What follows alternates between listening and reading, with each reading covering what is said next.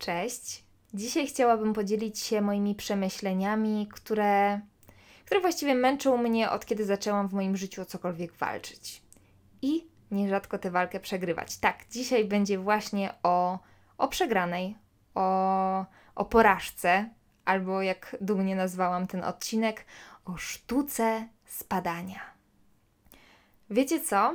Jeżeli mam być z wami tak totalnie szczera, to to ja bardzo długo uważałam się za kompletnego przegrywa. I do dzisiaj mam momenty, w których uważam, że komu jak komu, ale to właśnie mi towarzyszy wyjątkowy pech. I nadspodziewanie często coś po prostu nie wychodzi. Czasem z mojej winy, czasem zrzucam tę winę na osoby trzecie, przypadek itd., tak itd. Tak w końcu nie mogę wszystkiego dźwigać na swoich barkach. I teraz sobie myślicie, Chmielewska, co ty znowu pierdolisz?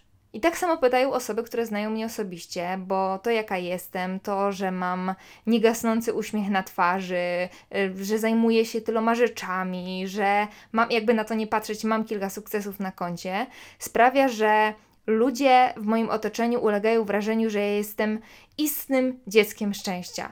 I całą masę razy słyszałam, oj, bo tobie to wszystko tak łatwo wychodzi. Wtedy to ja pytałam, co ty pierdolisz? I ten dysonans poznawczy, tak mi się przynajmniej wydaje, może wynikać z tego, że wszystko dzieje się w mojej głowie. Po pierwsze, kocham marzyć.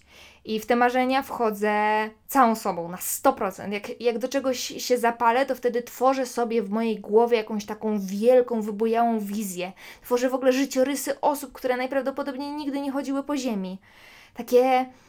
Ja, ja, ja po prostu zaczynam żyć tą moją wizją i przez chwilę ulegam wrażeniu, że tak właśnie jest albo że tak właśnie wydarzy się już lada moment, dopóki oczywiście nie przyjdzie rozczarowanie. Po drugie, jestem perfekcjonistką i o tym już Wam opowiadałam w odcinku Mój największy demon. I nawet jak jest dobrze, to mogłoby być lepiej, a jak jest źle, to po całości. A po trzecie, ubzdurałam sobie, że chcę w życiu robić rzeczy wielkie. Tylko, tylko no właśnie, im wyżej włazisz, tym bardziej boli, kiedy spadasz. Chyba z największego konia spadłam, nie dostając się do szkoły aktorskiej trzy lata pod rząd, ale, ale w sumie nie wiem, czy Wam o tym opowiadać, bo opowiadałam to chyba z 500 razy. A, dobra, niech będzie.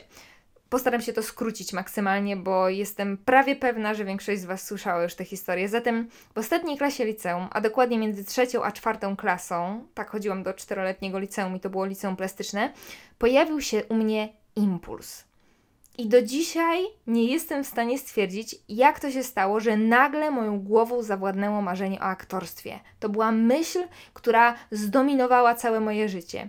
I w ten sposób przez kolejne trzy lata, między chyba, chyba mm, zgaduję w tym momencie. Próbuję sobie przypomnieć. A nie, to był, to był czerwiec, to był czerwiec i lipiec, tak. Między czerwcem a lipcem Urządzałam tripa po Polsce i brałam udział w egzaminach wstępnych do szkół aktorskich w Warszawie, we Wrocławiu, w Łodzi, Białymstoku, yy, Krakowie oczywiście.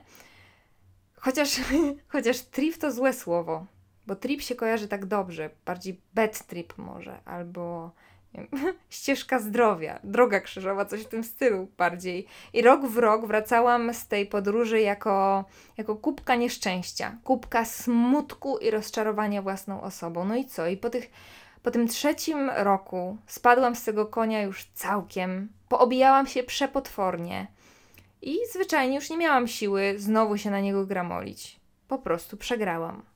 Przegrywałam dziesiątki razy i zawsze bolało jak cholera, bo ja zawsze wspinałam się najwyżej jak potrafię, żeby udowodnić sobie, żeby udowodnić światu, że mogę, że dam radę.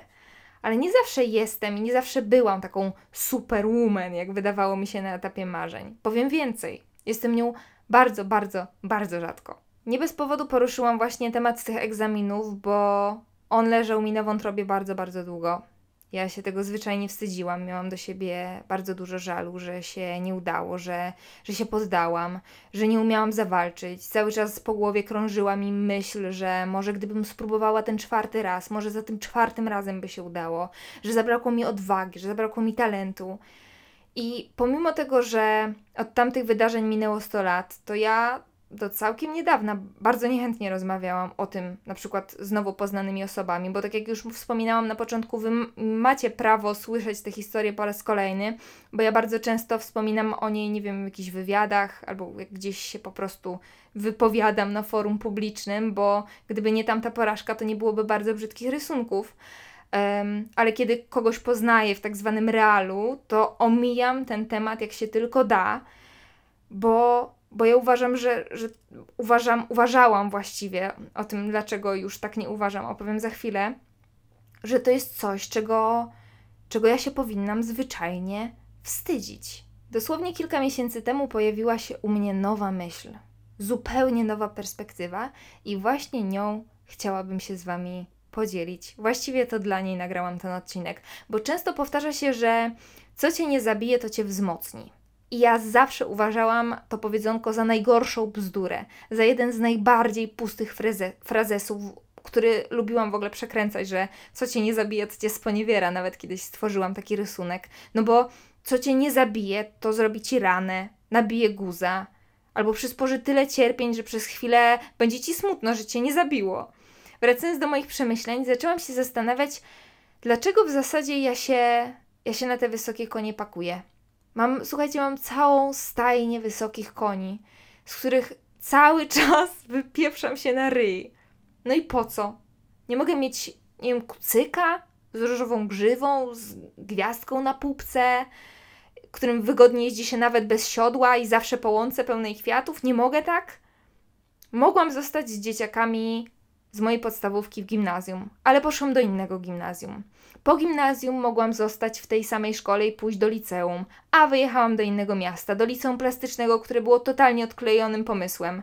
Po maturze mogłam iść na SP jak wszyscy, ale wymyśliłam jakieś aktorstwo. W międzyczasie chodziłam na, do szkoły muzycznej, na kółka plastyczne, lekcje śpiewu, baseny, tańce. Zaczęłam rysować do internetu, zaczęłam nagrywać własną twarz do internetu. Po co tak wymyślać?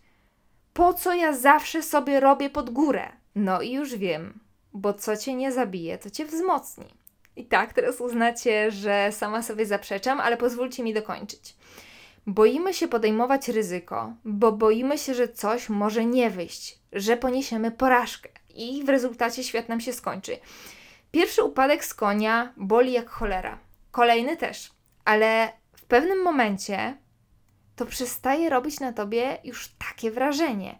I nawet jeżeli mocno się poobijasz, to dzięki tym, tym wszystkim przegranym z przeszłości wiesz, że po przegranej coś istnieje, że są nowe szanse. To jest tak jak, tak, to jest tak jak z rozstaniem z chłopakiem. To pierwsze rozstanie jest dla ciebie niemal jak śmierć. Nie wiesz, co jest po drugiej stronie, nie wiesz, jak to będzie. Ale każde kolejne rozstanie, pomimo tego, że w dalszym ciągu cierpisz, to masz świadomość tego, że, że spotkasz kolejną osobę i kolejną osobę, że masz szansę jeszcze na jakąś szczęśliwą przyszłość u boku innego człowieka. Że jak się jedne drzwi zamkną, to otwierają się kolejne.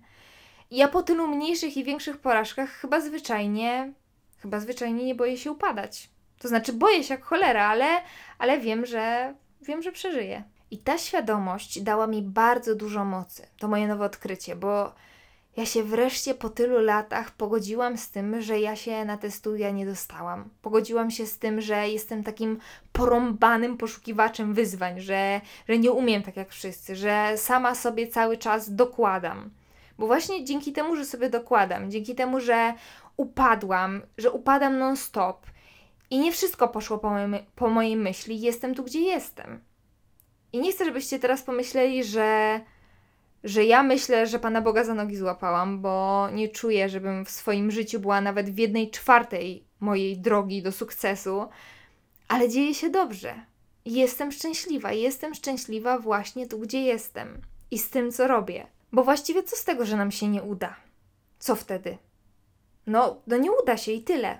Chyba moją największą zmorą, kiedy ponosiłam porażkę, było to, co powiedzą inni tak, to, to jest absurdalne, bo tak naprawdę powinno mnie to interesować najmniej, ale dla mnie zawsze był to największy problem. Ale kochani, tak, tak naprawdę, tak zupełnie szczerze, teraz będzie życiowa prawda. Inni mają nas gdzieś. Mają totalnie w dupie, czy nam się coś udało, czy się nie udało. Nawet jak się przejmą, to na chwilę, bo mają własne życie. I ja tu, ja tu nikogo za obojętność nie obwiniam, bo ja też mam własne życie. Najlepszym przykładem są zwolnienia z pracy. Jak wisi nad tobą wizja zwolnienia, to masz całą masę obrazków w głowie, że ludzie będą cię oceniać, twoi współpracownicy. Trochę cię żałować, ale generalnie wytykać palcami, bo sobie nie poradziłeś bo jesteś do niczego. I oni, I oni przeczuwali to od samego początku, że ty sobie nie poradzisz. Ale przywołajcie sobie sytuację, w której to wasz kolega z biura jest zwalniany. Naprawdę to wydarzenie zabiera wam tak dużo energii?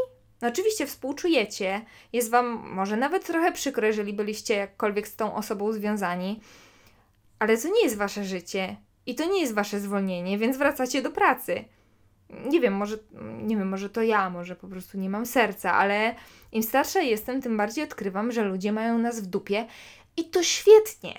Nie wiem, boimy się na przykład, że ludzie będą gapić się na nas na ulicy, bo dziwnie wyglądamy danego dnia.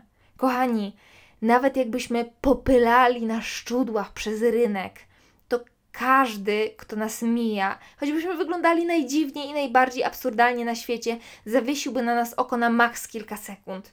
Więc to, co powiedzą inni na naszą porażkę, na nasze wywalenie się na ryj, nie ma absolutnie żadnego znaczenia. Bo to, że się wypieprzyliśmy, albo umknie ich uwadze, albo poświęcą tę uwagę dosłownie na kilka sekund. Kolejna obawa jest taka, że jak przegramy, to zamkniemy sobie drogę do naszego celu. Po pierwsze, Jedna przegrana bardzo rzadko zamyka drogę, bo nie każde wyzwanie jest egzaminem na pilota samolotu i bardzo często ilość podejść jest większa niż początkowo przypuszczaliśmy, a po drugie, nigdy, ale to nigdy nie ma tylko jednej słusznej drogi. A poza tym droga nie jest tak ważna jak to, co na niej robimy, jak się na niej zachowujemy, jakie, jakie kroki stawiamy, jaki cel sobie obierzemy. Zostańmy przy, przy tych studiach, bo, mm, bo to dla mnie jest najłatwiejszy przykład. Znaczy, najlepiej mi na, na nim wytłumaczyć, yy, co chcę Wam przekazać. Mamy wymarzony kierunek. Wyobraźcie to sobie. A może niektórzy nie muszą sobie nawet wyobrażać. W wymarzonym mieście mamy już całą wizję naszej świetlanej przyszłości i na maturze noga nam się omsknie, no i się nie dostajemy. I wiecie co? Wcale nie jest powiedziane, że ten właśnie wymarzony kierunek zapewni nam dokładnie taki efekt, jakiego się spodziewaliśmy. Dla przykładu ASP i uczelnie artystyczne. Ja byłam, w, jak byłam w liceum, to wydawało mi się, że tylko ASP. Cała reszta uczelni artystycznych to jest jakaś podruba. To są szkółki dla tych, co im się nie udało dostać, dla totalnych spadów. Ja z tymi miejscami finalnie nie miałam wiele wspólnego, bo moje życie gdzieś podryfowało w zupełnie innym kierunku, ale znam osoby, które to ASP skończyły i są, i mówię to naprawdę obiektywnie, bez żadnego ładunku emocjonalnego, bardzo średnie w tym, co robią. Są też osoby, które z różnych przyczyn wylądowały na mniej renomowanych uczelniach plastycznych i są absolutnie genialne i realizują się w 100%. I tu, bo powiecie teraz talent, ale tu nie chodzi o talent, tylko o pracę, którą włożyły w te kilka lat studiów. O to, że, o to, że wycisnęły z tych na pozór słabszych uczelni wszystko, co się dało.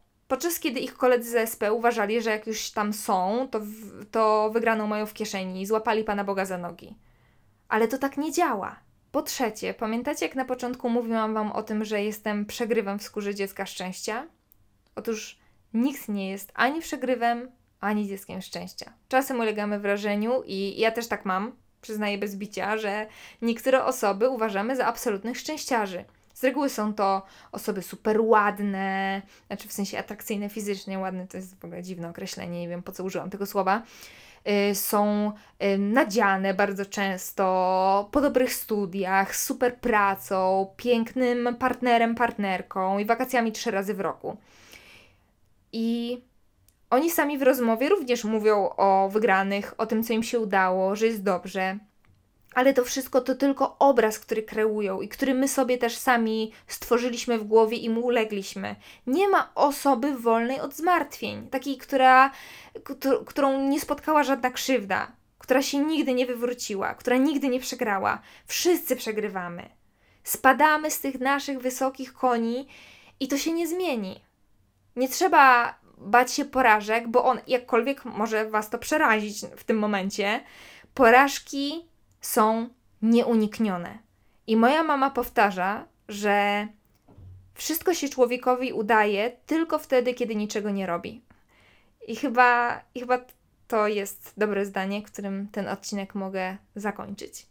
Róbmy, upadajmy, wstawajmy i róbmy dalej. Dziękuję za wspólnie spędzony czas. Do usłyszenia. Całuję. Cześć.